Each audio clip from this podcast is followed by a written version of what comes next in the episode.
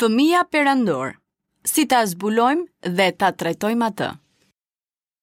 Sindroma e perandorit, i quajtur gjithashtu fëmija tiran ose fëmija mbret, është një çrregullim i sjelljes me të cilin kanë disa fëmijë për dominimin dhe sjelljen e tiranisë ndaj prindërve të tyre. Ndërsa fëmijët rriten, aty hapet një proces ku ata testojnë kufijtë e mjedisit të tyre. Ata mësojnë se çfarë mundet apo nuk duhet të bëjnë dhe në cilën masë. Ata kanë nevojë për rutinën, për rregullat, kufijtë e qartë për një zhvillim të shëndetshëm. Por ndonjëherë prindërit humbin plotësisht kontrollin dhe bëhen skllevërit e fëmijëve të tyre. A është e mundur të zbulohet kjo në kohë? Ja disa karakteristika të fëmijëve perandor. Ky fenomen i abuzimit të fëmijëve ndaj prindërve po bëhet gjithnjë e më i shpeshtë. Ata janë bosët e shtëpisë, vjedhin, kërcënojnë, ofendojnë, godasin. Ata trembin të gjithë familjen.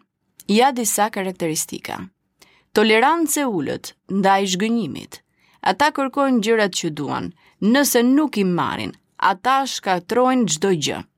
Nëse e marrin, as kjo nuk i kënaq, përqendrohen në diçka tjetër. Burime të kufizuara për zgjidhjen e problemeve ose të përballen me ndjenja negative. Mungesa e ndjeshmërisë. Ata e kanë të vështirë të ndiejnë faj ose pendim për veprimet e tyre. Janë sfidues dhe agresivë, Ata sfidojnë rregullat dhe figurat e autoritetit. Ata përdorin shantazh emocional, fyerje, ulërima. Ata kryejnë një abuzim të vërtetë psikologjik dhe në rastin më të keq, edhe abuzim fizik. Janë egocentrikë. Ata besojnë se janë në qendër të botës dhe gjejnë çfarëdolloj mjeti për të vazhduar të tillë. Por mos harrojmë, kanë vetëvlerësim të ulët. Gjendja e vazhdueshme e trishtimit, zemërimit ose edhe të ankthit. Por përgjegjësia, e kujt është? Prindërit shpesh fajësohen në këto rrethana se janë shumë të tolerueshëm ndaj këtyre sjelljeve, por vetëm ky aspekt nuk e shpjegon këtë sjellje. Ka dhe faktorë të tjerë që ndikojnë në zhvillimin e sindromës së perandorit, përveç stilit, është dhe arsimi Predispozita gjenetike, ndikimi një shoqërie me të cilën fëmija është përballur dhe gjithashtu mënyra se si janë vendosur më parë dhe në vazhdim kufijtë personal. Si ta zbulojmë në kohë? Si në çdo çrregullim, zbulimi i hershëm është thelbësor në mënyrë që situata të regulohet. Për ta bërë këtë, bashkëpunimi i familjes është i nevojshëm me profesionistët, me mësuesit edukatorët. Ka dhe të dhëna të caktuara që ndodhin midis moshës 6 deri në 11 vjeç dhe kjo mund të shërbejë si paralajmërim.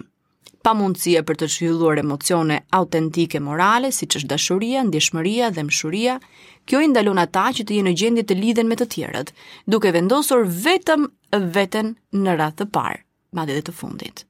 Kërkon përfitimin tuaj, ai nuk mëson nga gabimet ose edhe nga pasojat. kanë ndjenjë të ekzagjeruar të përkatësisë. Gjithçka është e tyre, rreth tyre dhe nuk ndajnë asgjë me të tjerët. Nuk i zbatojnë rregullat. Janë herë pas here dhe manipulues. Si të ndalojmë te këto sjellje?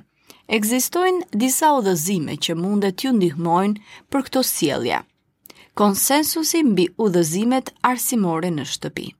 Pajtohuni për udhëzimet që duhet të ndiqni në mënyrë që fëmija të mos përfitojë nga kjo mosmarrëveshje për të marrë rrugën e tij. Duhet të kërkoni koherencë dhe të bëni një rutinë të re. Krijoni rregulla shumë të qarta në shtëpi. Kjo është një pikë shumë e vështirë, do të marrë kohën e vet, por nuk duhet të dorëzoheni. Ashtu siç e thamë, krijoni rutina duke nisur nga koha e ngritjes nga shtrati, e ngrënies e përgjegjësive e deri natën vonë. Mos kërcënoni. Përveç kësaj, ju herë pas here do ndiheni konfuz dhe vetëm do kërcënoni fëmijën tuaj që ta arrijë një gjë. Kjo është e vetmja metodë që ju po i mësoni atij.